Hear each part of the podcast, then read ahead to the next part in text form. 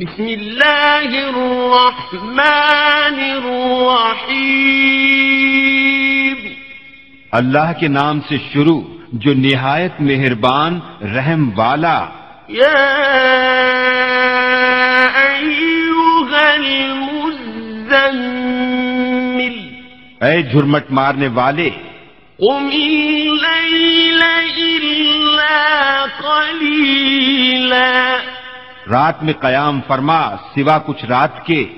نصفه او انقص منه قلیلا۔ آدھی رات یا اس سے کچھ کم کرو۔ او زد علیہ ورتل القرآن یا اس پر کچھ بڑھاؤ اور قرآن خوب ٹھہر ٹھہر کر پڑھو۔ إنا سنلقي عليك قولا ثقيلا۔ بے شک ان قریب ہم تم پر ایک بھاری بات ڈالیں گے۔ إن ناشئة الليل هي أشد وطئا وأقوم قيلا. بے شک رات کا اٹھنا وہ زیادہ دباؤ ڈالتا ہے اور بات خوب سیدھی نکلتی ہے۔ إن لك في النهار سبحا طويلا. بے شک دن میں تو تم کو بہت سے کام ہیں۔ واذكر اسم ربك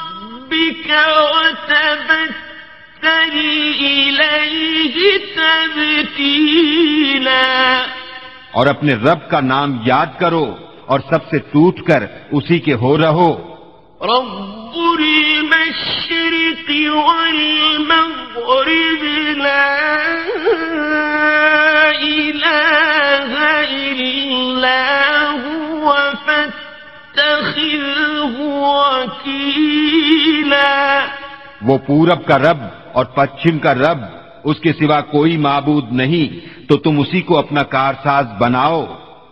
اصبر على ما يقولون واهجرهم هجرا جميلا۔ اور کافروں کی باتوں پر صبر فرماؤ اور انہیں اچھی طرح چھوڑ دو۔ وذرني والمكذبين النعمة ومهلهم قليلا. اور مجھ پر چھوڑو ان جھٹلانے والے مالداروں کو اور انہیں تھوڑی مہلت دو۔ إن لدينا وجحيما. بے شک ہمارے پاس بھاری بیڑیاں ہیں اور بھڑکتی آگ۔ وطعاما ذا غصة وعذابا أليما. اور گلے میں پھنستا کھانا اور دردناک عذاب. يوم ترجف الأرض والجبال وكانت الجبال كثيبا جس دن تھر تھرائیں گے زمین اور پہاڑ اور پہاڑ ہو جائیں گے ریتے کا ٹیلا بہتا ہوا۔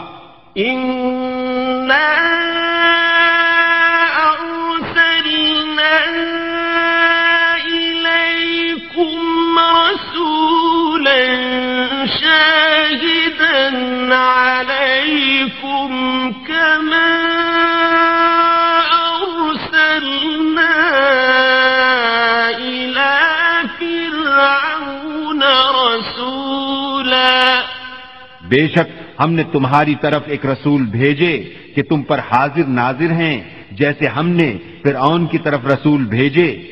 فرعون الرسول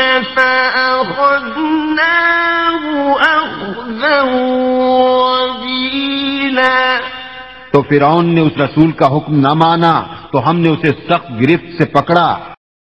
فكيف تتقون إن كفرتم يوما يجعل الولدان شيبا. پھر کیسے بچو گے؟ اگر کفر کرو اس دن جو بچوں کو بوڑھا کر دے گا۔ السماء منفطر به. كان وعلا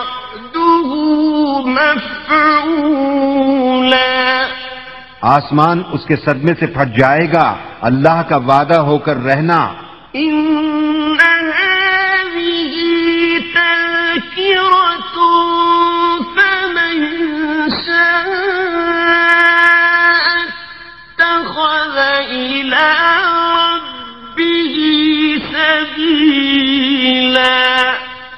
بے شک یہ نصیحت ہے تو جو چاہے اپنے رب کی طرف راہ لے۔ ربك يعلم أنك تقوم أدنى من ثلثي الليل ونصفه وثلثه وطائفة من الذين معك. والله يقدر الليل والنهار.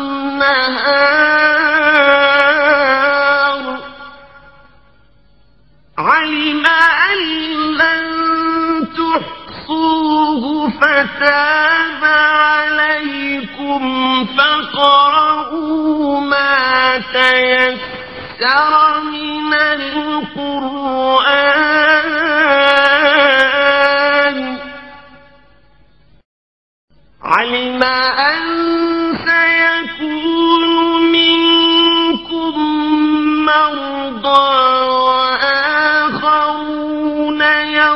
يضربون في الأرض يبتغون من فضل الله وآخرون